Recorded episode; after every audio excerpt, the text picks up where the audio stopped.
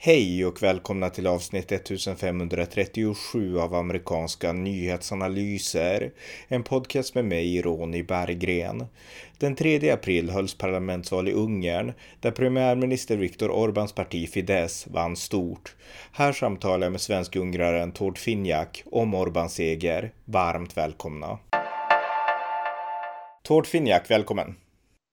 Tack, tack. Eh, vi har ju poddat väldigt länge om Ungern du och jag och den 3 april så var det val, parlamentsval i Ungern och vi har väl inte gjort något avsnitt direkt i anslutning till valet, det har hänt så mycket annat med kriget så. Men jag tänkte vi måste ändå göra en analys för nu är valet över och de flesta vet att Fidesz vann och Viktor Orbán vann sitt omval som premiärminister i Ungern. Men om vi börjar med valkvällen, vad hände på den här eh, valkvällen? Ja, ja, de räknade ihop eh, rösterna och Fidesz tog ju ledningen eh, med en gång och när de första rösterna kom in så låg ju Fidesz på, eh, jag tror det var nästan på 60 procent. Så sjönk ju det där mer och mer.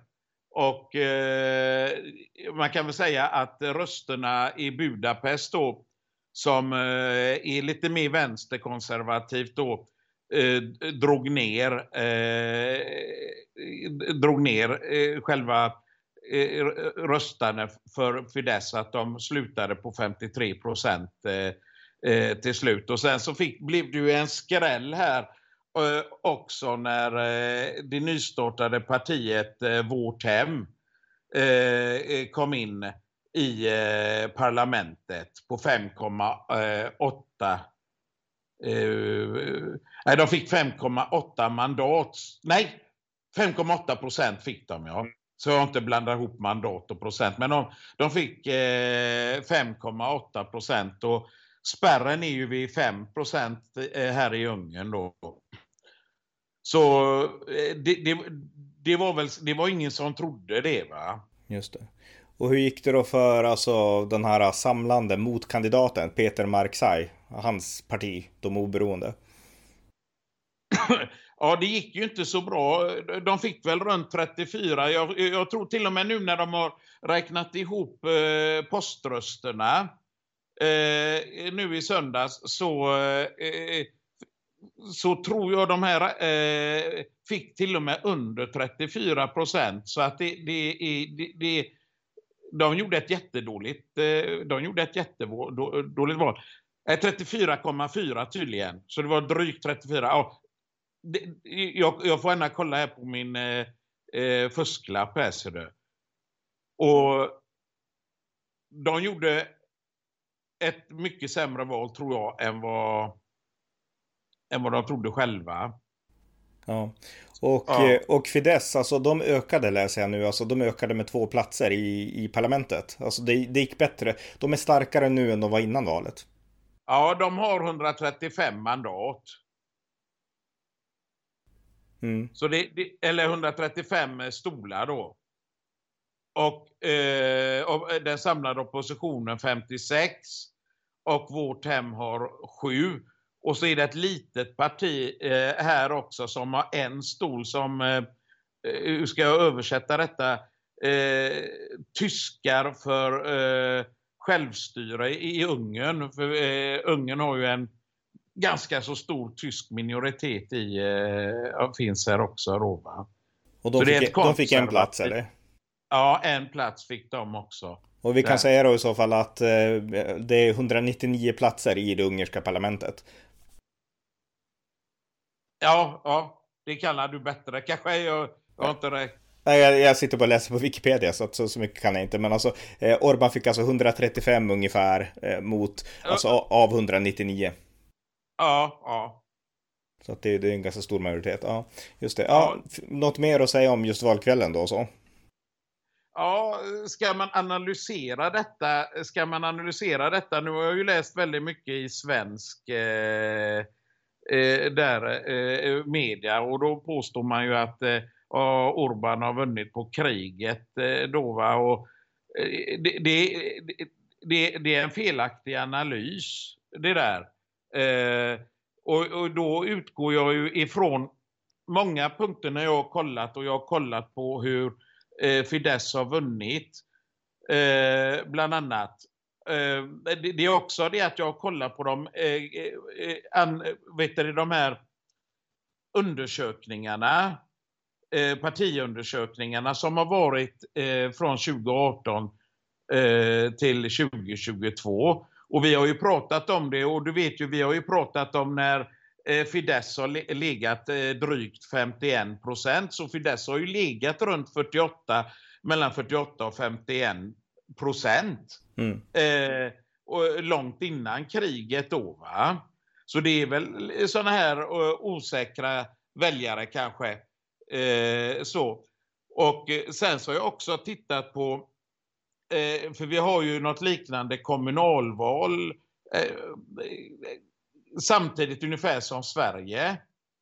Och där har ju Fidesz eh, också tagit eh, hem allting i stort sett. Va? Och jag tycker att det tyder på att om man har till exempel en övertygelse om att, eh, eh, eh, låt oss säga att man har en liberal övertygelse och, och röstar på momentum.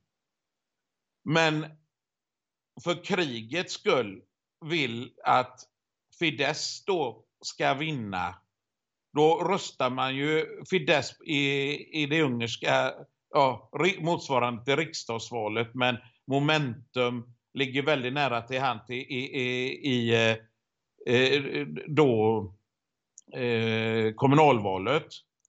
Och ja, för att då, då eh, att man ändå har röstat på det, men det har man inte gjort.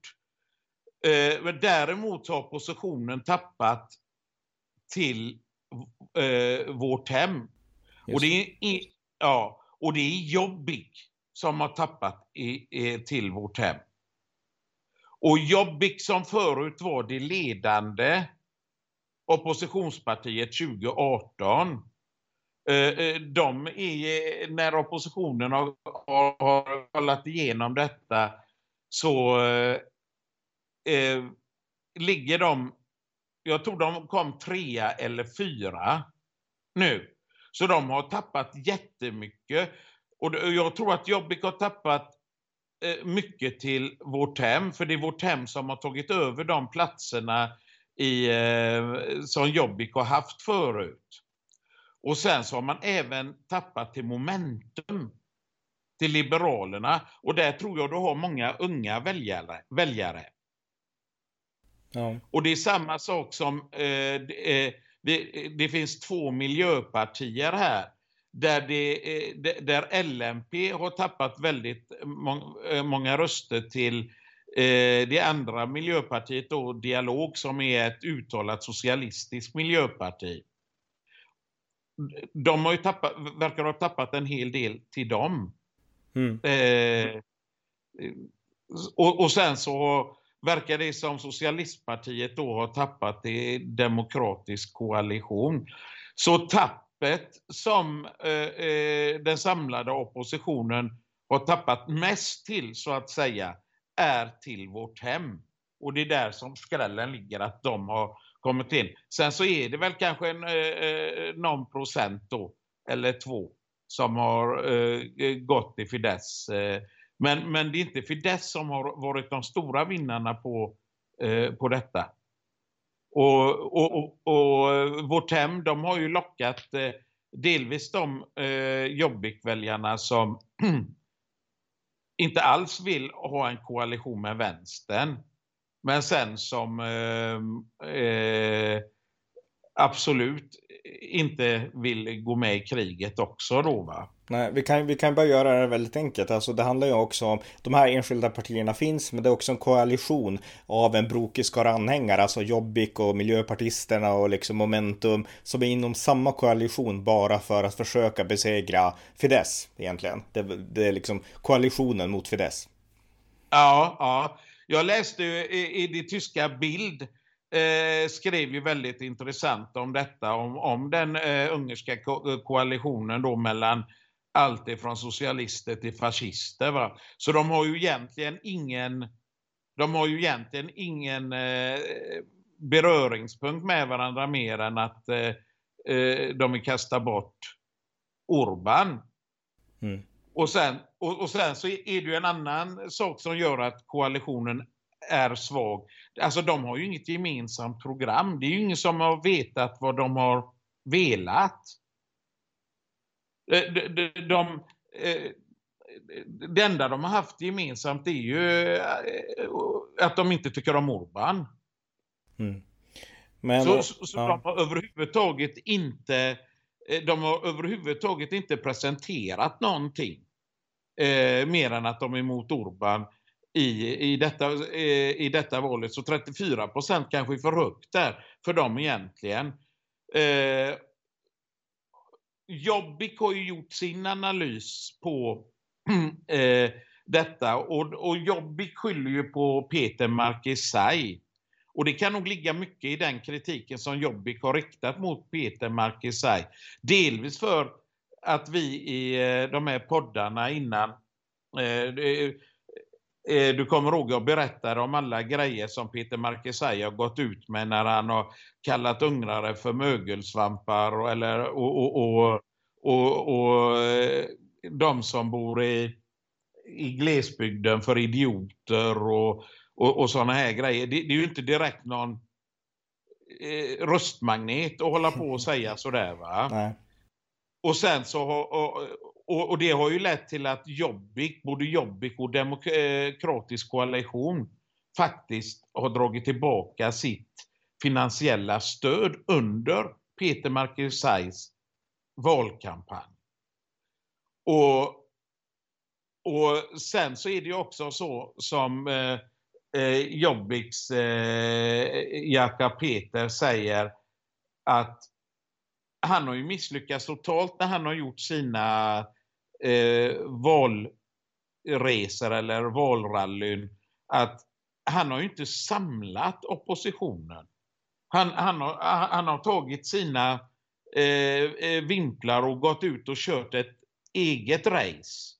Och han har, inte, han har inte lyckats samla oppositionens väljare överhuvudtaget. Nej. Och där har du också då en eh, eh en, en anledning till att oppositionen har gått eh, dåligt. Så de har gjort detta jättedåligt faktiskt. Jag förstår, inget enhetligt budskap utan bara massa spretiga röster under det här äh, gemensamma paraplyet i önskan att få bort Orban. Men okej, okay, de var dåliga, oppositionen var svag. Men vad var det liksom i, i Fidesz budskap och i Orbans liksom valplattform som gjorde att så många röstade på honom då? Var det att folk ville se en fortsättning på det som har varit eller komma med något nytt och partiet?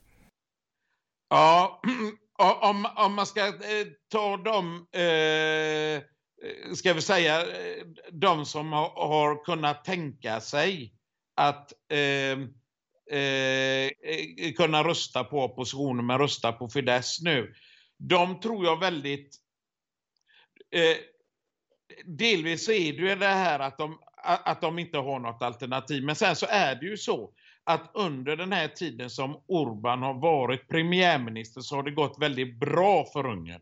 Det är bara att titta på siffrorna. Titta på vad Orban har, eh, fick ta över 2010 utav eh, eh, socialisterna och, och Georgian till exempel. Va? Ett, eh, ett land där ett land där arbetslösheten har varit över 11 procent där folk är skuldsatta upp över öronen, där folk har blivit utslängda på gatan utav bankerna och, och, och, och, och just det här med hög kriminalitet och allting sånt där. Va? Orban har ju fått ner arbetslösheten den har legat mellan 3,8 procent till 4-4,2 som mest kanske under de här sista åren, va? de här sista åtta åren som han har, har, styrt. Han har fått ordning på ekonomin och, och eh, han har till och med en körplan när Ungern ska bli nettobetalare till EU. Och, och, det var någonting som var väldigt långt ifrån när oppositionen styrde Ungern. Det var bara skulder då Ungern hade. Och, och det, det, så han har ju säkrat jobb eh, köpkraften har ju ökat eh, bland folket och det har in, inför, infunnit sig en trygghet i, eh, hos ungrarna som var helt bortblåst 2010. Kan man säga så här för, för, att sammanfatta bara, alltså Orban vann helt enkelt därför att väljarna hade förtroende för honom och de har en helt annan bild av Orban än vad vi har här i Sverige till exempel. Ja, det, det har de ju helt klart. va. Eh, har, om man läser alla, eh, eh, allt som har hänt i Ungern med statistik och sånt så just med köpkraften, just med arbetslösheten, just med företagandet så, så, så, eh, så är det ju uppåt hela tiden under Orbans eh, regeringstid. Va? När eh, oppositionen styrde så eh, du kunde ju inte vara företagare eh, i, i Ungern. Du kunde liksom se ett nytt företag öppna, till exempel alltså en ny liten butik öppna och sen så efter några månader så var den stängd så öppnade en ny butik där. Alltså, och så försvann den. Det, det, det, var så mycket konkurser. Så... Men, men, ett kort stickspår då, därför att du bor i Ungern och du är företagare. Alltså, märkte du själv skillnaden från liksom, socialismen till Orban i förhållande till ditt yrkesliv så att säga? Ja, jag kunde alltså under Orbans tid starta ett ungerskt företag.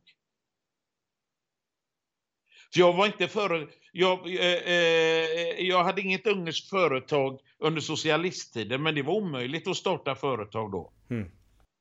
Var det. Det, det, det var liksom... Eh, du, du, kunde, du kunde inte det. Så under Orbans tid så eh, öppnade sig möjligheten till att starta företag. Del, eh, delvis genom till exempel, han har låtit eh, företagare växa. Jag ska ta ett jättebra exempel. Eh, eh, elektriken som jag hade, han, eh, som drog eh, ny el i hela huset. Han eh, var ju utbildad, var ju eh, först arbetslös och fick jobba svart. Sen så införde Orban någonting som hette kattaskatten. Och det betydde att Eh, alla, att du jobbar ensam i ett företag, men istället för att du jobbar svart så betalar du 5% skatt och då gör du så här att du, eh, han då fakturerade mig. Och den fakturan, fakturakopian skickades in till skattemyndigheten. Och då betalade han då 5% på det jobbet han, han gjorde på mig. Och på det sättet så fick ju de, alla de här svarta eh, arbetarna och betala 5 skatt istället. Mm. Och, och, och, nu har ju det har ju gett att han har fått igång sin rörelse. Och nu har han ett motsvarande AB i dagens läge. Han har alltså på det sättet kunnat arbeta sig in i, eh, i eh, själva företagandet och fått en chans mm. att bygga upp ett företag och nu då så är, har han ett han har hur mycket arbete som helst. Han åker omkring i hela Ungern här och, ja, och, och betalar då eh, riktig då företagsskatt. Så så har ju Orban fått in väldigt många, eh, mycket svartarbete in till att bli riktiga företag. Just det, mycket intressant. Det här visste jag inte, det är otroligt intressant. Och det här visar att Ur Orban är populär och att han har lyft Ungern och sådär. Och eh, det var därför han vann. Det handlade inte om kriget och det handlade inte om liksom manipulation eller liknande saker. Utan han vann för att han är populär och för att han har lyckats bra enligt ungrarna. Det går inte att tolka det på så många andra sätt. Eh, nej, eh, jag, jag, tycker ju inte det. Eh, jag skulle vilja säga, det är väl klart att han har ju vunnit en del röster på kriget också, men inte det som är den stora grejen. För han har ju legat innan här, Ronny, mellan 48 och 51 procent i en fyraårsperiod. Mm. He, hela tiden har, ju... Eh, så jag menar att eh, det är alldeles för lätt att se. Alltså de stora vinnarna är vårt hem. Är de. Mm.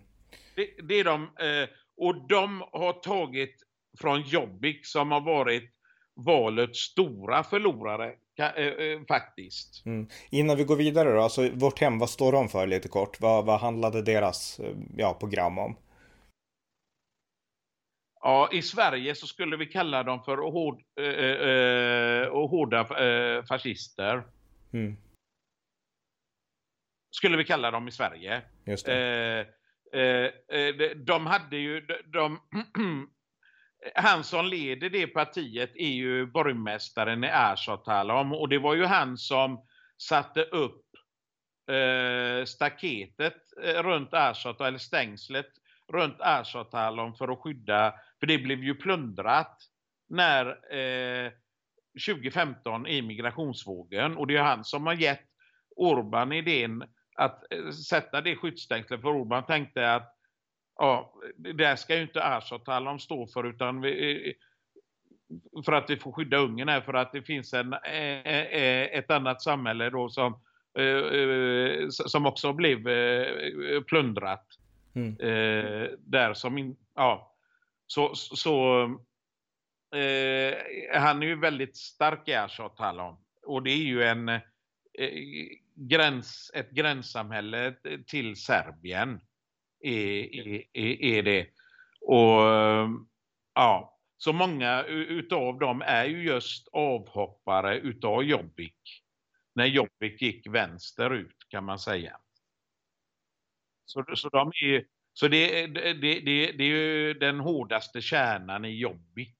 Om man säger så. Mm. Så att de är, om man nu ska säga schablonuttrycket, men de är alltså högerextrema på ett eller annat sätt. Ja, om man ska använda de det, det är svårt med svenska, eh, svenska termer för allting till höger om Centern är ju högerextremt i Sverige. Så att det, men ja, ja, Mm, just det. Men om vi går vidare då, alltså Orban vunnit, vi kan fastslå det och eh, befolkningen i Ungern stöder Orban. Men det har också uppstått saker som har fått kritik eller liksom skildrats här i väst att det här är vad, vad Orban är konstig. Därför att vi har ju poddat om Orban och om Ungern väldigt länge i flera år, du, du och jag. Och vi vet den kritik som har riktats mot Orban och vi har liksom nedmonterat den kritiken steg för steg. Och sen finns det kritik, kritik som är befogad också. Jag är till exempel kritisk till att Orban, jag tycker han verkar stå på en, en fot i Kina och en fot i Ryssland och en fot i väst. Alltså han vill äta och behålla kakan samtidigt. Men det har vi pratat om förut lite grann. Så att det finns andra saker nu som har hänt inför valet och en av de sakerna det var att eh, Ukraina då, Ukrainas president Volodymyr Zelensky, han stödde Orbans motkandidat. Och eh, det har ju blivit ett litet ord, en ordväxling mellan de här. Och i media i Sverige och jag antar i stora delar av västra Europa så har såklart Zelensky skildrats som hjälten och Orban som skurken. De här två klassiska rollerna då. Men varför stödde Zelensky Orbans motkandidat? Ja, eh, delvis så tror jag att eh, eh Zelensky faktiskt ingår i den li, eh, eh liberala delen utav eh, i, i, Europa. Eh, det är det första och då, och, och då har man en eh, ett eh, per automatik motstånd till en konservativ regering i Ungern om vi börjar där. Eh, eh, sen så eh, har det med att göra med att eh, Ungern inte vill skicka vapen till Ukraina och eh, att Ungern inte vill släppa igenom vapen genom Ungern eh, till Ukraina. Va? Och det, det, här var ju någonting som, just det, jag glömde det, det var ju någonting som Orban sa också i sin valkampanj att eh, vi vill inte bli indragna i krig. Så att fortsätt att liksom förklara det, för att det kan man tänka att det är ju en källa till, liksom, det ger Zelenskyj rätt att kritisera när Orban går på tvärs med hela Europa nästan. Ja, det, det är ju så här, det, det, är ju så här att eh, Orban har sagt att man vill vara neutrala i detta kriget och, och, och eh, det kan man ju vara eh, också i och med att eh, Ukraina inte är med i NATO. Va? Eller i EU för den delen heller. Och, eh, men det, att förstå sig på varför ungrarna vill vara neutrala idag, det är ju att Ungern har varit indragen i stort sett i alla, i alla krig som har funnits. Det, eh, och, och, och Ungern har förlorat två tredjedelar av både sin landyta och sin befolkning eh, i detta. Och man vill inte förlora det som är kvar. Man är, eh, eh, eh, eh man är krigströtta och man är ett svagt land nu. Och man, eh, eh, det, det, är ju alltså, man klarar inte av ett krig, Ronny, i, i, eh, Eh, i, i Ungern. Och så säger, för att vi ska, alltså Ungern gjorde ju under den socialistiska regeringen eh, samma misstag som Sverige gjorde, att man la ner värnplikten. Och så Ungern har ju nästan, alltså de har ju, de har ju lovat NATO att hålla med 35 000 man i sin ar, eh, armé. Om de, om, om, om de har, eh, har det, det vet jag inte idag. Eh, om, om de har det. Sen så ska vi också veta det att när ryssarna gav sig av på länsen här på 90-talet så tog ryssarna med sig i stort sett allt. Och Ungern har fått börja, börja om och bygga upp sitt eh, eh, försvar undan för undan. Och man säger i Sverige att det tar 30 år att bygga upp den eh, eh värnpliktsarmén som, som fanns förut på 80-talet i Sverige. va? Och då ska vi veta det att Sverige har ändå jäkligt mycket bra material. Och, och, och, och, och sånt där. Men Ungern var ju bar, bar, eh, eh barskrapat. Alltså, det fungerade ju så i eh, Warszawapakten på grund av 56 så tillät inte Sovjetunionen Ungern att ha för det första moderna vapen. Så när eh, eh, eh den sovjetiska armén hade ett, ett typ T72 så fick ungrarna åka omkring i T32 typ. För att man, man, man ville inte att ungrarna skulle resa sig igen. Och eh, taktiken var ju från eh, under ockupationen här att man slog ju en ring runt eh, Budapest med sovjetiska regementen. Och så, och så såg man till att ungrarna fick eh, gammal materiel. Och, mm. ja, och den, sen så när Sovjet åkte så tog man alltihopa så har ju man försökt att bygga upp Eh, eh, försvaret igen. Man hade några gamla MIG. Och eh, sen fick man ju lisa JAS-plan. Då, då, då, då, uppdaterade man ju, då uppdaterade man ju eh, luftrummet då, försvaret för luftrummet. Eh, eh, lite då va. Nu har man beställt F-35 utav USA för att förstärka eh, det ännu mera. Och sen så eh, har man ju då bytt ut de här gamla automatvapnen till, eh, till nya då CZ, tjeckiska CZ. Och jag vet inte om man har lyckats byta ut dem eh, eh allihopa i, i, igen. Och, eh, eller om man har kvar de gamla handeldvapen. Sen så har man inte eh, eh så moderna Sen så har man inte så moderna eh, eh, stridsfordon och sånt. Det, det kommer nu. Man har väl fått, man har fått en hel del eh, utav Tyskland här, eh, tror jag. Men alltså, Ungern har ju ingenting att komma med, Ronny. Så svaret är alltså att Ungern har en för svag militär, de har för lite utrustning och de vill inte bli indragna i krig. Men då är min kritiska fråga här då, gäller inte det många andra liksom små länder där, liksom med Slovakien och Rumänien kanske och liknande? Eh, är inte de också små och har liksom, är inte de i samma sits som Ungern? Nej, inte riktigt, inte riktigt. Eh, ska vi, Rumänien är ju inte sånt litet land. Det är ju ett av Europas största, eller EUs i alla fall största arméer, de har ju en värnplikt Ronny. Mm. De har ju en värnplikt. Så, och, och, det är ju samma sak med Polen. De har ju värnplikt, de har ju jättemånga, eh, som jänkarna säger, boots on the ground.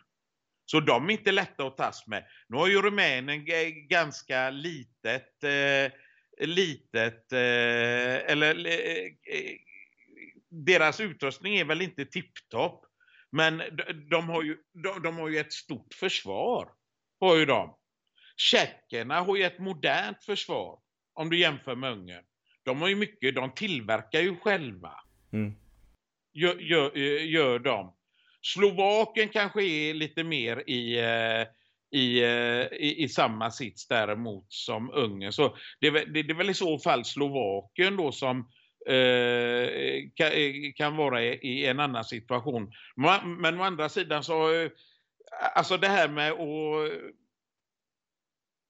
för, alltså Slovakien, ja, de, de har ju inte den taggen i, i, i minnet om att, om att ha förlorat.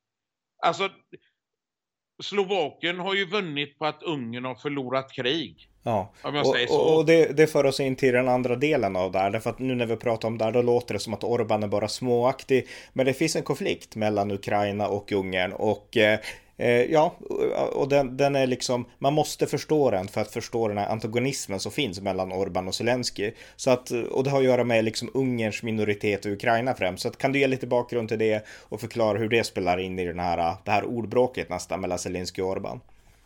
Ja, det, det, det var ju så, det, det, det, är ju så här, det, vi pratar ju om eh, minoriteter här. Ungern, Ungern har en minoritet i Transkarpaterna. Som ligger i Ukraina som ligger idag i Ukraina, ja. Och Transkarpaterna är ju en viktig del av ungersk historia, för det var ju där eh, när ungrarna kom in i den eh, eh pannonska bassängen eller, eller eh, vad heter det, och eh, karpatiska bassängen, så var det där de kom ifrån, Transkarpaterna, ner mot det som idag kallas för Alföld som ligger här i Ungern. Så att det, det, det är en väldigt det, det är en väldigt eh, ungersk del, eh, eh, den delen. Och Ungern har ju varit väldigt stort en gång från medeltiden.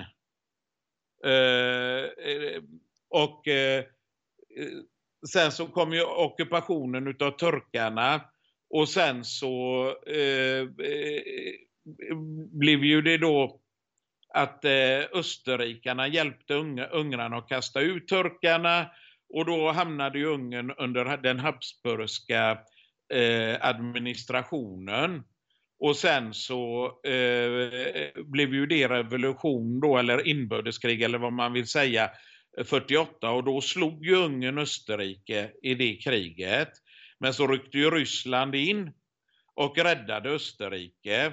Men sen så var det dags igen 68 och då såg Frans Josef till att eh, eh, om, om man inte får fred med ungrarna nu så kommer hela Habsburgska monarkin att rasa. Och då blev det Österrike-Ungern. Och sen så kom ju då första världskriget där Österrike-Ungern förlorade. Och eh, då styckade man ju då Österrike-Ungern där man där Österrike blev en del och Ungern den andra delen. Och då, fransmännen var ju väldigt pigga på det att stycka upp hela Ungern då.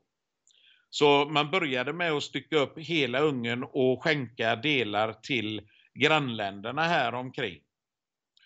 Och, eh, och det har gjort att det finns, min, det har gjort att det finns och det har gjort att det finns ungerska minoriteter i Ukraina och i en rad omgivande länder idag. Ja, ja, ja. Och det var ju så att Churchill då eh, eh, såg detta komma. Och han var ju ung då eh, i, i, efter första världskriget. Men han såg ju till eh, och han blev, han blev irriterad på Frankrike och så han startade någonting som hette Justice for Hungary. Hmm. Okej, okay, det visste jag inte. nej, han har en sten vid Gellertberget där Churchill har varit och så har han skrivit på den stenen. Den ligger kvar där. Där står det eh, Justice for Hungary, Winston, Sir Winston Churchill. Hmm. Och, och, och eh, eh, då lyssnade amerikanarna på Churchill. Och då fick Ungern tillbaka lite, eh, lite land i stort sett det som är idag kan man säga. Eh, eh, eh, då. Annars var Frank Frankrike vill, vill ju bara ha en liten del. Typ som en korridor emellan Tjeckoslovakien och Serbien eller Jugoslavien som det blev sen då. Va? Mm. Så att och då blev det ju en massa minoriteter. Så ungrarna brukar ju säga att de är det enda landet i världen som gränsar till sig själva. ja, ja. Men det här är intressant därför att det här är något som ingen i Sverige, eller inte många i alla fall, kan det här. Utan vi tror ungefär att de här länderna funkar på samma sätt som Sverige och Danmark. Vi har haft ungefär samma gränser. och i Skåne, men vi har haft samma gränser i hundratals år. Men det är ju verkligen inte så i östra Europa, utan det är så extremt komplext. Och minoriteterna finns i alla länder och alla länder hanterar det olika.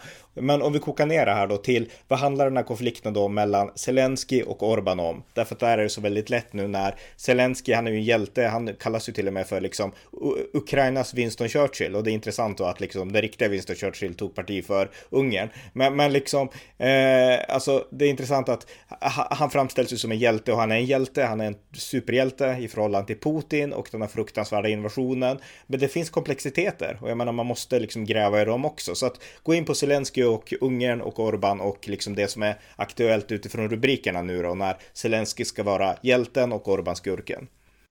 Ja, alltså då, då kommer vi till de här minoriteterna och det har ju varit ett hett ämne. Eh, det har ju eh, varit ett hett ämne och eh, länge i de här länderna. Va? Och, och, eh, men man har ju försökt att, att, att överbrygga det som till ett väldigt gott exempel är till exempel att Ungern och Serbien har ju använt minoriteterna till att bli vänner. Så Serbien och Ungern har tack vare den serbiska minoriteten i Ungern och den ungerska minoriteten i Serbien nu eh, blivit eh, lika goda vänner som de var på 1200-talet liksom. Och, och men det har inte riktigt gått så i Ukraina, för Ukraina har inte velat, har inte velat prata om eh, minoriteterna, för Ukraina har också en minoritet i Ungern. Som ungrarna har en minoritet i Ukraina.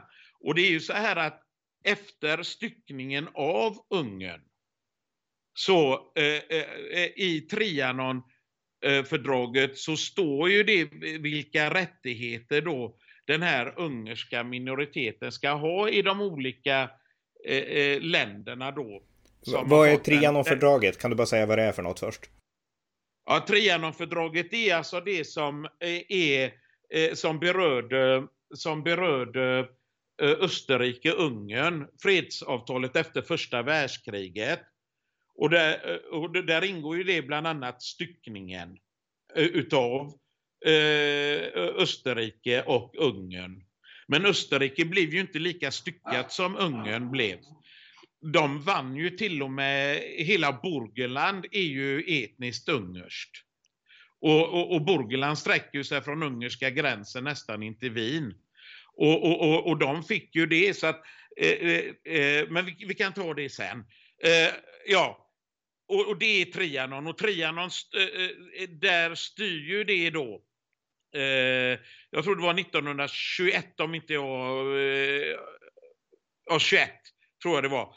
Eh, eh, och där styr ju det då minoriteternas rättigheter då. Och det är bland annat att, att den ungerska minoriteten ska ha rätt att ha undervisning i sitt egna språk. Och att ungerskan ska få vara det officiella språket tillsammans med det nya språket. Så till exempel om vi pratar om transkarpaterna så, skulle, så enligt Trianon så ska alltså ungerskan eh, eh, vara det officiella språket tillsammans med ukrainskan i transkarpaterna. Mm. Ja. Och eh, 2017 så, eh, eh, så kom det en lag i eh, Ukraina som strippade inte bara den ungerska minoritetens rättigheter utan alla minoriteters rättigheter i Ukraina. Va? Och det finns ju ganska många minoriteter i Ukraina. Och, och, och då, var, då gick ju den ungerska eh, utrikesministern Sijarto till sin eh, ukrainska kollega och sa det gör det inte. Det är inte bra, det, det liksom gör det inte, men ukrainarna struntade i det. Och, det, eh, och, och, då började, och då började stämningen verkligen att eh, bli extremt dålig mellan Ungern och eh, Ukraina. Och det slutade, eller det, det började ju då med att, att det blev en, eh, en, en våldsspiral eh, där eh, ukrainska nazister och jag säger inte att de var utskickade utav eh, regeringen, för det var de inte. Men de, de gick in och till exempel brände upp ungerska eh, kulturbyggnader. Och sen eh, vid ett tillfälle till och med in i en ungersk skola och, eh, och, och gav sig på eleverna. Och sen så brann den eh, efter ett tag då när, eh, när eh, brann ytterligare en kulturbyggnad som de hade eh, eh, satt eld på. Men den gången, jag vet att det står i det, det står faktiskt i eh, västerländska tidningar att, att ukrainarna har satt eld på ungersk kulturbyggnad två gånger, men de har faktiskt bara gjort det en gång. För den andra gången var en tysk journalist som betalade folk till att sätta eld på det den andra gången för att få sig ett skop. Mm. Så så fungerar mainstream-journalistik. Mm. Och, och, och, och, och det hela eh, började med då att man eh, sen inte forslade mat till Transkarpaterna, till eh, ungrarna där. Varpå att Ungern då skickar in mat dit. Och då svarade Ukraina med, att skicka ner regementen då till den ungerska gränsen. Och då sa man att, att vi tar er på två dagar. Och då var det väldigt, väldigt, väldigt eh, eh, ja, det var inte roligt politiskt. Och det, var, det... Bara något, det var bara något år sedan det här? Ja, 2019 var det de gjorde det. Och kan, kan, kan, man då fastslå att Ukraina har en starkare militär än vad Ungern har? Ja, herregud. Det, det, alltså titta på gatan och, och, och så titta på hur många hur, hur många invånare det är liksom. Mm. Ja, men, det, det, Ja, men det, det, här är intressant för ingen kan ju det här utan nu är det liksom att Orban är dålig och Zelensky är jättebra så här. Men det finns en komplexitet och det är den jag vill liksom få fram så att det här är, ja. det är jätteviktigt, jättebra det här. Och det här också för att inflika en, en, liksom, en passus här då. För många som lyssnar kanske tänker, ja men är det inte samma sak för Ryssland? Det finns en rysk minoritet i Ukraina och Putin menar att de är förtryckta och därför går han in. Men jag skulle vilja säga så här att Putin, det finns ju ryska minoriteter i hela Östeuropa och även i Centralasien. Putin Putin använder den ryska minoriteten som en ursäkt för att gå in för att bedriva sin imperialism. Han är alltså inte genuin när han vill skydda en rysk minoritet i Ukraina, utan det är bara ett svepskäl för Putin för att driva ett totalt fruktansvärt krig mot Ukraina. Medan Orban däremot, han har en genuin önskan att skydda den ungerska minoriteten i Ukraina. Kan man säga att det är skillnaden mellan Putin och Orban i förhållande till sina respektive minoriteter. Orban är genuin, Putin är inte. Ja, alltså det, det, genuin och genuin hit och, och alltså grejen är den, får jag inflika där, eh, Ronny? Mm. Att Ryssland la beslag på Krim 20, det var, var det 2014? Mm. Ja. 2014 så la Ryssland beslag på Krim. Och det, det, det är ju alltså efter Putins aggressioner mot Krim som de övriga minoriteterna i Ukraina har, eh, har blivit pressade.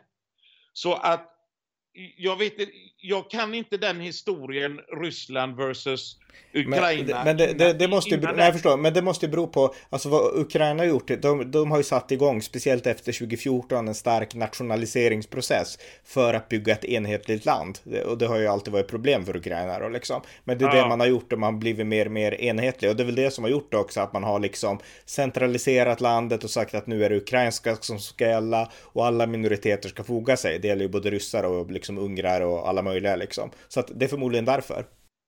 Ja, så att om man säger så här, om Putin säger att han skyddar sin minoritet, så är jag, eh, eh, så är jag ju nästan utan att vara 100% säker på, nästan i min tankevärld säker på att genom att han gjorde så mot Krim, att det är han som har dragit igång detta. Egentligen. Mm. Dragit igång hotet mot den ryska minoriteten i Donbass och så vidare och så vidare. Om det nu så, så han så, min, så, han är ju skäl, han, är, han kanske är grundskälet till detta eh, eh, helt enkelt. Mm. Hade inte han gjort det så kanske så kanske inte det hade blivit så här galet heller, det vet man ju inte va.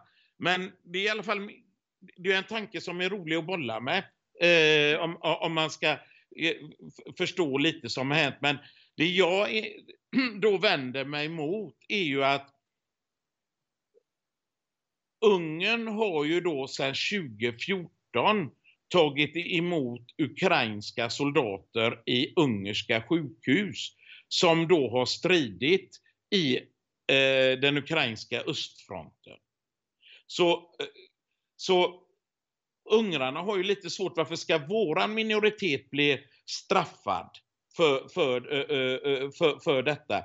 För Ungern har ju, har ju alltså tagit emot de här ukrainska soldaterna sedan 2014 liksom. Okej, okay, så att och, de ukrainska soldaterna som har bekämpat ryssarna och deras paramilitär där i östra Ukraina och blivit skadade, de har liksom Ungern tagit hand om? Ja, många av dem så Ungern, äh, har legat på ungerska sjukhus, ja. Mm. Och även under covid, äh, den här, äh, när covid röjde som mest, va. Ungern har skickat jättemycket respiratorer till Ukraina. Man har skickat vaccin till Ukraina och man har tagit emot COVID, ukrainska covid-patienter också på ungerska sjukhus. Så Ungern har, Ungern har ju har ju inte uppträtt fientligt alls mot Ukraina. Har man fått någon tacksamhet för de gesterna från nej, Ukraina? Nej, nej, det har man inte. Ukraina har inte ens sagt tack. Varför har man gjort det där då, Ungern? Varför har man ändå liksom hjälpt på det sättet som du beskriver? Ja, det finns ju, alltså, delvis så är ju Ungern så rädd om sin minoritet överallt. Är ju de, va? Man vill inte att de ska bli förtryckta. Och om, om man visar, för det finns en rädsla i, en helt obeskrivlig rädsla i Ungerns grannländer att, att, att eh, Ungern skulle hysa någon revanschistisk eh, eh, lust att eh, knalla in där. Va? Jag menar, senast för två, eller om det, ja, i, i, i, samband med den ungerska val eh, eh, eh upptakten här, så gick ju den eh, ställföreträdande eller vice premiärministern, eh, hon som är bakom, eh, vad heter han, Zelensky, mm. ut och sa att Ungern förbereder och, och, och marscherar in i Transkarpaterna. Va? Och, och, och sam, det, det, det är liksom, ja, Ungern har ju ingenting, Ungern ska vara glada om de klarar av att försvara Eh, eh, klarar av att försvara sin gräns liksom. Mm. De har, eh, ska man, ska man alltså erövra ett land eller ska gå in som en attackerare så, så, så, räknar man ju med att man ska gå in med en styrka som är tre gånger så stor som en försvarande styrka. Man, man kan väl säga så här bara för att liksom sammanfatta det här. Ryssland lyckas inte ta Ukraina. Det finns liksom ingen chans för Ungern att ta ens en bit av Ukraina. Nej, alltså du, du, de räknar ju med att du ska ha en en, en, en eh, armé som är tre gånger så stor som den försvarande armén. Eh, eh, då. Och det har inte Ungern. Och dessutom så ska ju de vara hyfsligt bra utrustade. Och ungrarna har ju inte den utrustningen som ryssarna har ens en gång. Nej. Eh, och det är intressant här, eh, för att, ja men det är jätteintressant, men varför gör då liksom, varför gör Ukraina så här mot Ungern? Är det för att man är så angelägen om att nationalisera och liksom assimilera den ungerska minoriteten eller finns det andra orsaker också? Och sen, för att, för att jag inte ska glömma det, Zelensky gav sig också aktivt in i Ukrainas val och stödde eh, motståndaren till Orban. Uh, du menar, ja i Ungerns val ja. Ja, förlåt. Ja. Förlåt, jag har Ungersval såklart. Mm. Ja, han gjorde väl ett eller två framträdande där han sa till ungrarna att de skulle rösta rätt och rösta oppositionen.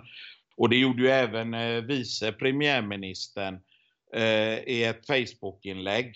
I samma Facebook-inlägg som hon eh, beskyllde Ungern att Ungern planerar att återta Transkarpaterna så, eh, så skrev hon där till ungrarna att, att de måste, ja, måste rösta rätt också då rösta oppositionen och den ukrainska ambassadörskan i Budapest var ju med Peter Markisaj vid några utav hans eh, framträdande då va. Så att ukrainska eh, eh, officiella representanter har ju varit väldigt inblandade i det ungerska valet. Just det. Eh. Och, och det, det, är en förklaring också till varför Orban gav en pik lite grann till Zelensky. Eller han, han sa det inte uttryckligen, men lite grann att, att det finns aktörer som har varit emot oss, sa han väl han, i sitt segertal, Orban. Ja, han sa inte riktigt så. Eh, det här skitsnacket kommer ju från den värdelösa tv-kanalen CNN. Eh, att eh, Orban då, de påstår att Orban hade sagt att att Zelensky är fiende. Men så sa han inte alls. Utan att det var mitt i segertalet där när han stod och berättade att segern syns ifrån eh, månen. I alla fall ifrån Bryssel ungefär va. Och då sa han, trots att oppositionen har haft hjälp ifrån västerländska journalister och media, fått hjälp ifrån eh, Bryssel, fått hjälp ifrån Soros och nu på senare tid från Zelensky så mm. har vi ändå lyckats vinna. Så sa han. Okej, ja det sätter det i ett helt annat ljus. Mycket intressant. Eh, men återigen då till frågan jag ställde tidigare. Varför, varför liksom är Ukraina så påstridiga? Liksom är det att man vill assimilera den ungerska minoriteten? Eller vad är, liksom, vad är orsaken till att Ukraina har agerat så här mot Ungern? Alltså, alltså jag har jättesvårt att... Och, och, ska vi gå... Jag, som hon vice eh, premiärminister säger att eh, ja, Ungern kommer att ta tillbaka, är det rädsla för att Ungern ska ta tillbaka eh, Transkarpaterna? Tror man på det på allvar så eh, eh tror man, alltså då är man ju korkad. Då, då, mm. då, då är man ju knack i bollen. Eh, om, om, om, om, om, man, eh, om man tror det. Mm. För, för, att det, det Ungern har ju överhuvudtaget inte gjort några sådana. Det enda Ungern, det enda Ungern vill och, och säger, det, det, det, är liksom att man vill att minoriteterna som finns runt om ska, bli, eh, ska ha de rättigheterna som står i Trianon och som Ungern också behandlar sina minoriteter. Va? Ta ukrainarna, de har rätt att få stöd till skolor där de får läsa ukrainska där de bor. De har rätt att, att, liksom prata ukrainska. De har, de, de, de har rätt att, att vifta med ukrainska flaggor och ukrainska, sjunga ukrainska nationalsången. Alltså det, det, det, det, det finns ungerska, eh, un, ungersk minoritet som inte, de får inte göra det. Nej, just det. Och, och, och det, och det problemet har du, har du till exempel också i Slovakien till exempel. Nu har ju Slovakien eh, pep, alltså kors i taket när Slovakien hade en socialdemokratisk regering under Fico eller Fico, hur de nu uttalar det. Då kom ju Ungern och Slovakien väldigt bra överens. Och då började man att överbrygga de svårigheterna mellan. Så att en socialdemokratisk regering i Slovakien och en konservativ regering i Ungern lyckas alltså komma överens och börja och, och, och, och, och börja eh, hur ska jag säga ja, skapa goda, goda relationer med den ungerska minoriteten i Slovakien. Ja, och Ungern. Mm, okay. Så Slovakien mm. hade väldigt bra relation eh, under den socialdemokratiska regeringen där. Sen så vann ju de här liberalerna då med liberal president och allting. Då vände ju allting. Pang sa det. Och det första hon gjorde det var ju att, förbjuda den ungerska minoriteten och vifta med ungerska flagga. Det är böter för det i Slovakien. Och även, även då att, eh, även då, eh, att sjunga ungerska nationalsången till exempel. Det är också böter för det. Och då har de någonting som heter Beneslagarna i Slovakien. Det är deras grundlagar, Beneslagar. Och eh, International eh, Amnesty International kallar ju det för eh, eh, rena apartheidlagarna. Och det är alltså raslagar mer eller mindre. Det ger ju den slovakiska majoriteten då eh, eh tolkningsföreträde i eh, väldigt många eh, grejer eh, och, och även Slovakien. Man har alltså använt, nu under den liberala regeringen i Slovakien, har man använt beneslagarna för att beslagta och konfiskera egendom. Mm ifrån uh, ungrare. Och då vill jag bara inflicka en sak till. Det här är ju intressant därför att jag menar det här visar hur komplext det är i östra Europa. Och båda de här länderna, både Ungern och Slovakien är med i EU. Så man, man kan tycka att det borde finnas gemenskap och att EU borde försöka konfliktlösa här. Men jag menar, åtminstone här i Sverige hör vi ju ingenting om sånt alls. Utan då är det bara de här schablonbilderna liksom. Ja, ja det, det är väldigt komplext. Eh, eh Ronny, alltså jag vet att Östeuropa är en krutdurk. Jugoslavien är en vindpust. Det som hände i Jugoslavien är en vindpust mot det som kan hända i Östeuropa. Mm. För det, I, ja. Jag, du, du, du, ska fortsätta, jag ska bara skjuta in en sak till också, sen får du ta över. För att nu har jag läst lite grann de här dagarna och det jag har läst är rätt intressant för att utifrån mitt perspektiv, och jag kan inte så mycket, men det är att jag tycker att EU verkar inte förstå det här, men USA förstår det. Därför att alla de här länderna är med i NATO och jag har läst liksom dokument och så här där NATOs olika ambassadörer i de här länderna, eller talrepresentant, han har varit i Ungern och de har rest runt och så här. Och då har alltid pratat att ni måste hålla samman för vi är, vi är en NATO-gemenskap liksom. Vi har en sak gemensamt, eller ni har en sak gemensamt. Det är alliansen med oss, med USA och att ni har hotet från Ryssland gemensamt. Så jag menar, det, det är rätt intressant att USA ser det här helhetsperspektivet. Ni gillar USA, ni gillar oss och Ryssland är fiende till er alla, så håll sams ungefär. Det är det amerikanska budskapet. Medan EU har man inte ens reflekterat över de här komplexiteterna, eller åtminstone inte i Sverige då. Nej, EU verkar inte ha gjort ett, ett dyft. Alltså till och med Joe Biden Joe Biden har ju haft möten om detta. Hmm. Ja, det visste jag inte. Nej, Joe Biden har ju haft möten om just det här med eh, eh minoritetsproblemen. Eh, eh, Så man har ju, man, alltså, man har ju, i, i, USA har man ju tagit detta på, tagit detta på allvar EU, det, det verkar, det, där, det, de enda, det, det, enda som är intressant där, det är HBTQ, ABCDEFG liksom. Mm. Det, ja, men, men exakt. det som är intressant. Ja, men, exakt, var, och det visar ju på hur mycket Västeuropa ändå dominerar EU. Därför att för EU verkar det vara, det finns liksom västra Europa med bra värderingar, så finns det de här konstiga länderna i östra Europa. Och eh, det är liksom där gränsen går, liksom östra och västra Europa. De här enorma etniska och religiösa komplexiteterna som finns, alltså som hela östra Europa kryllar av. Vi ska komma ihåg att östra Europa har ju skövlats i alla världskrig betydligt hårdare än västra Europa. Jag menar Frankrike idag ser ganska likadant ut som Frankrike såg ut 1900, jag menar år 1900. Det är ingen större skillnad liksom.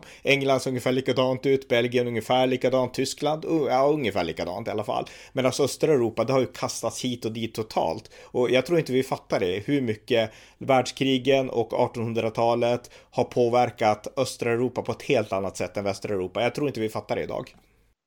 Nej, eh, och det, eh, alltså, ja, fatt, fattar, man inte, fattar man inte vad som händer i, eh, i, i gamla Jugoslavien så, så är man på marsch när det gäller det som är i Östeuropa, mm. om man säger så. Och bara ta så här, alltså, det har ju, det har ju byggts, alltså det finns ju mycket minoriteter i Ungern också, Roni. Och de här minoriteterna har ju kommit hit av olika anledningar. Och, och för att få minoritetsstatus i Ungern så ska det ha varit en minoritet i hundra år. Så då, eh, då måste du alltså ha bott som folkgrupp här i hundra år och däröver. Och jag kan ju liksom dra igenom då för alla för, eh, eh, de här minoriteterna som finns i Ungern då. Och det är romer, tjecker, tyskar, slovaker, ukrainare, rumäner, serber, kroater, rusier, armanier. Hmm. Tio, tio fick jag det till. ja, och de har ju kommit hit på olika, till exempel det kom ju väldigt många tyska här eh, som körde promar på, eh, eh, eh på eh, Donau. Och, och de byggde ju upp sin, eh, eh sina eh, samhällen, nej, de kallas för Schwab, Schwab då var Schwabtyskar här i Ungern. Och sen så har det kommit många tyskar med takt utav eh, dubbelmonarkin Österrike-Ungern till exempel. Serberna och kroaterna har ju en ännu äldre eh, eh, historia i Ungern. Det finns till exempel många kroater i nordvästra Ungern. Och många serben eh, eh, eh då i sydvästra Ungern runt Pech och även här då i södra Ungern finns många serber. Och det var ju så här att de, de flyttade ju hit efter, eh, efter eh, mongolerna och tatarerna röjde här. Mm. Så, så flyttade ju de hit och, och Kroatien och Ungern har ju varit samma land. Eh, där det eh, kroatiska kungahuset gifte ju in sig i det ungerska kungahuset då, eh, eh för att de skulle strida mot eh, eh, tillsammans då mot turkarna. Mm. Då... Men, men, men, bara för att sammanfatta då, för det här är, det är jättekomplext. Men alltså, de som säger att östra Europa inte är multikulturellt, de vet inte vad de pratar om. Därför att det är mängder av kulturer i östra Europa. Ja, det är det. Det, det, det, det är du definitivt. Det är mm. du definitivt.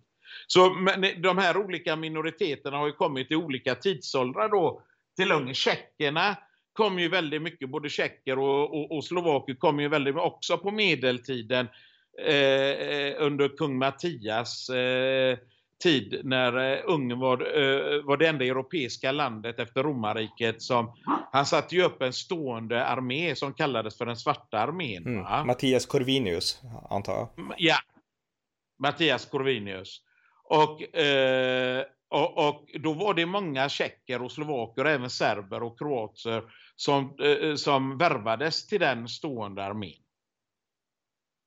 Och, och, och, på, och, på det sättet så, så de har, ju, de har ju byggt upp sina minoriteter sedan eh, medeltiden här i Ungern. Så de har ju en verklig, verklig eh, med, så att säga min, minoritetsstatus. Och det betyder alltså de får de får sina språk och eh, de får stöttning av staten för sina språk. Mm. Och, och, och, och, de har, har rätt att prata dem officiellt, de har rätt till sina skolor, de har rätt till sina kyrkor och, och allting sånt där. Va? Mm. Och, och, och, och det är så Ungern vill att den ungerska minoriteten ska få i de andra länderna också. Få samma rättigheter. Ja. det är intressant. Om vi ska knyta säcken samman då till den sista saken, därför att nu har vi liksom, vi har verkligen förklarat komplexiteten här som behöver förstås av oss i västra Europa som inte kan något om det här. Men en sista sak och det är att kriget i Ukraina pågår och nu kommer det ju många flyktingar som har kommit till, alltså som har flytt från Ukraina och in i stora delar av Europa. Polen har tagit emot mer än en miljon, men Ungern har också tagit emot väldigt många. Många har ju menat då att ja, men Ungern gör inte så mycket, men Ungern har tagit emot väldigt många och efter att Orban vann sitt val så gick han ut med ett besked och sa att vi kommer att hjälpa de här att få jobb, vi kommer att hjälpa barnen att gå i skolan och liksom sådana här saker. Han, jag, jag såg det talet och jag tyckte att det var jättebra, så att jag menar, Orban har ju fortsatt att välkomna ukrainska flyktingar och varit villiga att hjälpa dem. Ja, alltså Ungern, äh, äh, Sverige brukar ju vara, slå sig för bröstet och säga att de tog emot äh, procentuellt mest flyktingar 2015 var det va? Mm. Och, och Ungern har procentuellt tagit emot mest ukrainare. Mm. Har de gjort. Okej, okay, det visste jag inte. Procentuellt. Okej, okay, just det, för Ungern är ett litet land. Mm. Ja. Och de har samma invånarantal som Sverige. Nu, Eh, ja, om man räknar med Sveriges 10 miljoner då, eh, runt där ligger ju Ungern också. Runt den här, eh, häraden. Så, så, så man har alltså procentuellt sett tagit emot mest ukrainare. Och ukrainska studenter får fortsätta sina studier här i Ungern. Och, och, och man har då eh, öppet sjukhusen då 24-7 för ukrainare. De behöver inte betala. Och de behöver inte betala för att åka eh, tåg, buss, spårvagn. De får röra sig fritt i, i Ungern eh, om de visar sitt ukrainska pass då. Mm. Och sen så är det mycket frivilliga också. Man säger att eh, ungerska, ja, eh, ungerska, det, det, är klart att så, så, det är ju jättemycket frivilliga som ställer upp, men det måste ju vara så också, Roni. Orban och Katalin och Siart, kan ju inte springa där med, med, matlådor och sådana här grejer, utan att det, det, det, det kräver ju att, att man har det civila samhället med mm. i ett sådant läge för att ta emot eh, sådana. Men eh, regeringen har ju skjutit till det som behövs för att de civila organisationerna ska kunna funka. Så att säga. Men till exempel både Judith Varga och, och eh, vad heter hon, president Katalin Novak eh, eh, var ju ute och, och, och, och hjälpte till och, eh, med detta. Mm. Så, så, ja.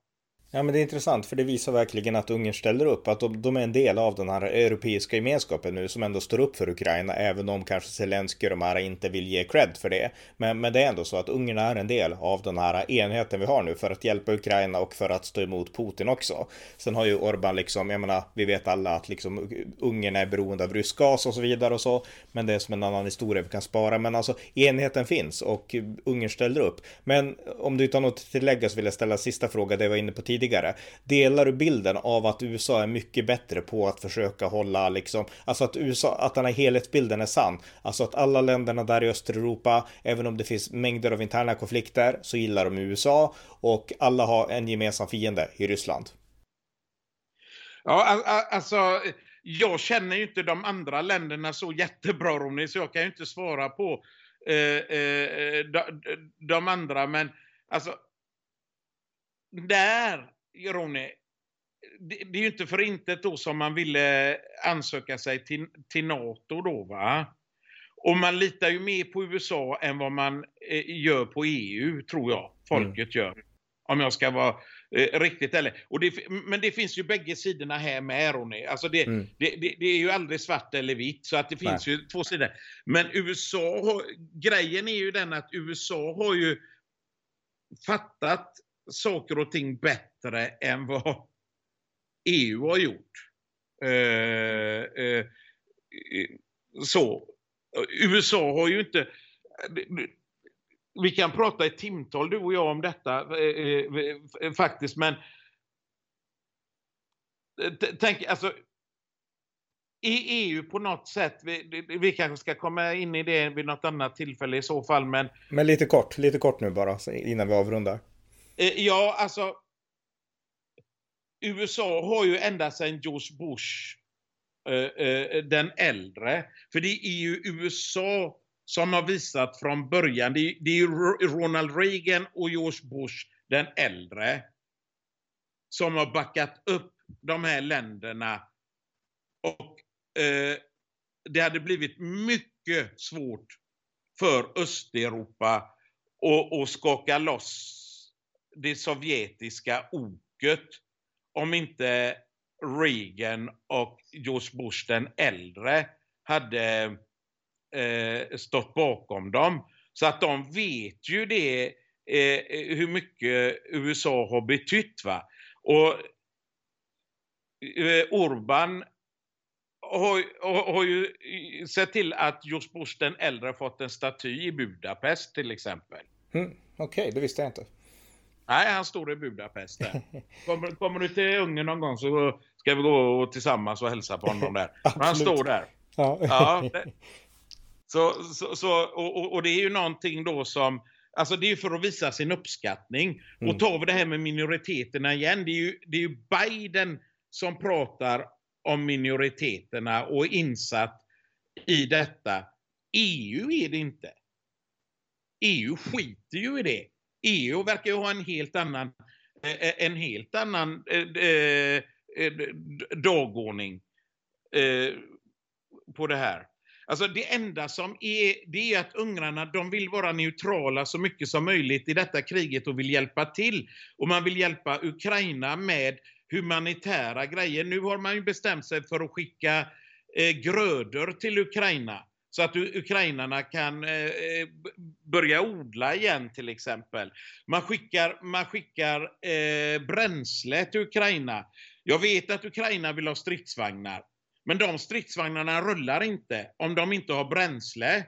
Och vad hände med tyskarna på västfronten?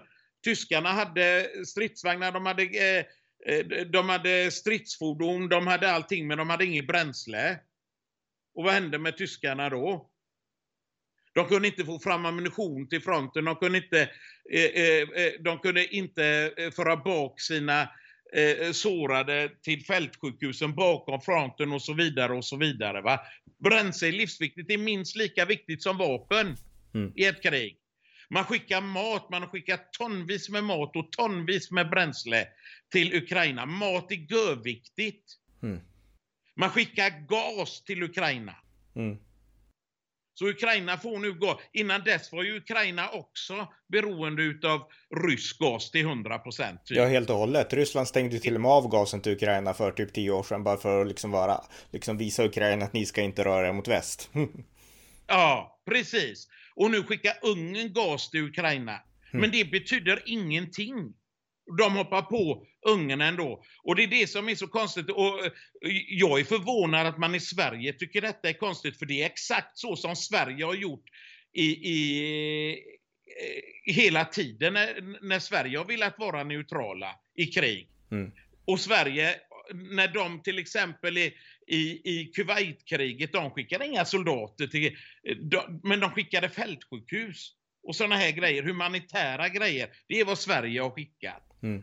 Och, och, och, och, liksom Sverige under andra världskriget som ville vara eh, neutralt, men eh, eh, eh, Sverige skickade inte ens mat och, och bränsle och sådana här saker till Tysklands fiender. Men däremot så Däremot så gjorde man ju allting för att vara neutrala på annat sätt. Att 80% gick till Nazityskland utav exporten och, och så vidare och så vidare. Va? Alltså Ungern, de, de exporterar ju inte till Ryssland åtminstone. Nej, Nej men det, det här är Nej. intressanta poänger som ingen förstår. Det är jätteviktigt att det här framförs, verkligen. Så att jag, ja, ja. jag tycker det är viktigt. En sista sak också om du har tid med det, det är att det finns ju också nu, alltså förut så hackade ju vi i Europa, eller västra Europa då på Polen och Ungern. Men nu är det som att man har släppt Polen därför att Polen räddade Europa från Vitrysslands hybridkrig och nu tar Polen emot en miljon ukrainare och Polen har ett försvar. I motsats till Ungern så har ju Polen ett, det måste ju vara det starkaste försvaret i Östeuropa som Polen har liksom. Så ja, det har de. Ja, precis. Så att jag menar, just nu så hackar ingen på Polen, utan vi alla är tacksamma att det är Polen som liksom gränsar mot, jag vet inte om de gränsar direkt mot Ryssland, men mot Vitryssland och det här liksom, och inte liksom övriga Europa. Så alla är jätteglada för att Polen finns just nu. Så att nu är det som att man bara hackar på Ukraina, eller jag menar på, på Ungern. Men min fråga nu då, är det att finns det någon konflikt mellan Ungern och Polen i förhållande ja, till kriget i Ukraina? Lite, ja. ja, det har börjat lite. Och, och det, det, det är ju att Polen har börjat med samma eh, eh, samma eh, argumentation mot Ungern där med vapen och sådana här saker. Mm. Och, och, och, och det, det, det, är... Alltså, att Ungern ska skicka vapen, det måste alla förstå. Det går inte. För då har inte ungrarna vapen själva.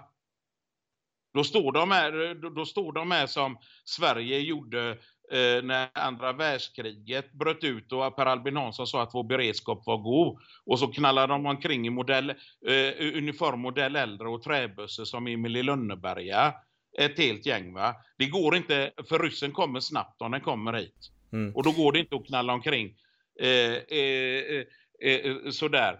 Och, så, så jag menar så, så, så, jag menar, sen så ska alla vara medvetna om också att Ungern har ju gett västra Ungern till NATO. NATO har ju alltså, gränsen går väster om Donau. Och där får NATO göra vad de vill. Vad som flygs ut där, det har jag ingen aning om. Nej, så att NATO har en stor bas i Ungern alltså? Ja, ja, ja visst. Det, det är, de, ja, det har de. Okej. Okay. Mm. och de, de, får utnyttja västra Ungern väster om Donau eh, i stort sett hur de vill. Okay. På NATO göra. Mm. Ja. Så, så det, det, det, är mycket sånt, alltså det, det, är så jävla mycket skitsnack tycker jag just nu. Och sen då så, eh, till exempel man går på Ungern med det här med gasen, men man går inte på Tyskland. Mm. Skillnaden är ju liksom att uh, Orban säger vad han menar. Tyskland, Schulz, han säger en sak på EU och sen när han kommer till Tyskland så gör han någonting helt annat. Men då är han borta ur blickfånget. Och sen ska vi också veta det, att både Tyskland och Frankrike gör fortfarande affärer med Ryssland. Mm. Och ska du ta Renault-fabriken, de ville köra igång igen med full kraft i Ryssland. Och, det, och, och, och Renault är statligt och, och, Macron har gett klartecken för det. Det är ingen som gnäller på Frankrike. Mm, intressant. Mm. Nej, nej men det, det, här är jätteintressant och varför jag vill att det här ska fås fram det är dels för att kontra den här totala svartmålningen av Ungern och av Orban men också för att vi måste inse att det finns konflikter och nu måste vi hålla samman. Och Ungern gör det de kan, okej, okay, de skickar inga vapen, vi kan tycka vad vi vill om det, men de står på samma, ni står på samma sida som oss här i att hjälpa Ukraina och i att stå emot Ryssland och vi kan inte låta oss splittras i de här skitintrigerna. Det är dit jag vill komma med det här. Så att jag tycker det här var ett jätteviktigt avsnitt och eh, ja, Orban verkar ändå förtjäna att, att finna en ny mandatperiod tycker jag. Men har du något sista du vill tillägga innan vi avslutar? Nej, men det är väl lite som du säger och jag, och, och jag tycker att det, att det döms jävla mycket och jag tycker det är förbannat. Eh, jag är faktiskt förbannad på svenskar mm. som själva historiskt, eh, historiskt sett har gjort allting för att hålla sig ur krig och som själva har nöjt sig. Det är ju nu på senare tid då som Sverige har varit med egentligen eh, eh sen ja, någon gång i 2000-talet varit med och skickat lite styrkor i, i, i, i samarbete med NATO. Men alltså Sverige har, Sverige har ju faktiskt blivit en välfärdsstat till mångt och mycket tack vare att man har lyckats hålla sig utanför krig. Och man har hållit stenhårt på det. Mm. Och man har till och med gått fan så mycket längre än vad Ungern har gjort idag. Om man säger så. Om man tittar på vad Sverige har gjort mot Ryssland, tittar på vad Sverige har gjort mot Sovjet, baltutlämningarna, när man tillät eh, Sovjet att ha, och, och, och ha läger i, i, i, eh, i Sverige till och med. Men vi kan gå in på det också sen. Så, så jag menar, Sverige har ju verkligen kryp, Ungern kryper ju inte på det sättet. Men man säger att man vill vara neutrala, man vill inte bli indragna i detta. För ungrarna är så förbannat rädda och förlora det lilla land man har. Mm. Det är man. Ja. Ja men jätteintressant. Så jag vill säga ett stort tack till dig Tord för att du återigen ger de här historiska perspektiven som vi aldrig får i Sverige. Så att tusen tack för det här avsnittet och eh, jättebra. Ja, Tack för att ni har lyssnat på det senaste avsnittet av amerikanska nyhetsanalyser. Kriget i Ukraina är brutalt. Ryssland verkar nu ha använt kemiska vapen, vilket för konflikten till ytterligare en skarpare nivå. Ukraina står med sitt mod upp för hela Europa. Jag vill därför mana er som lyssnar att stödja Ukrainas utsatta befolkning genom att skänka en slant till valfri organisation som ni har förtroende för som stöder Ukraina. Det var allt för idag. Tack för att ni har lyssnat.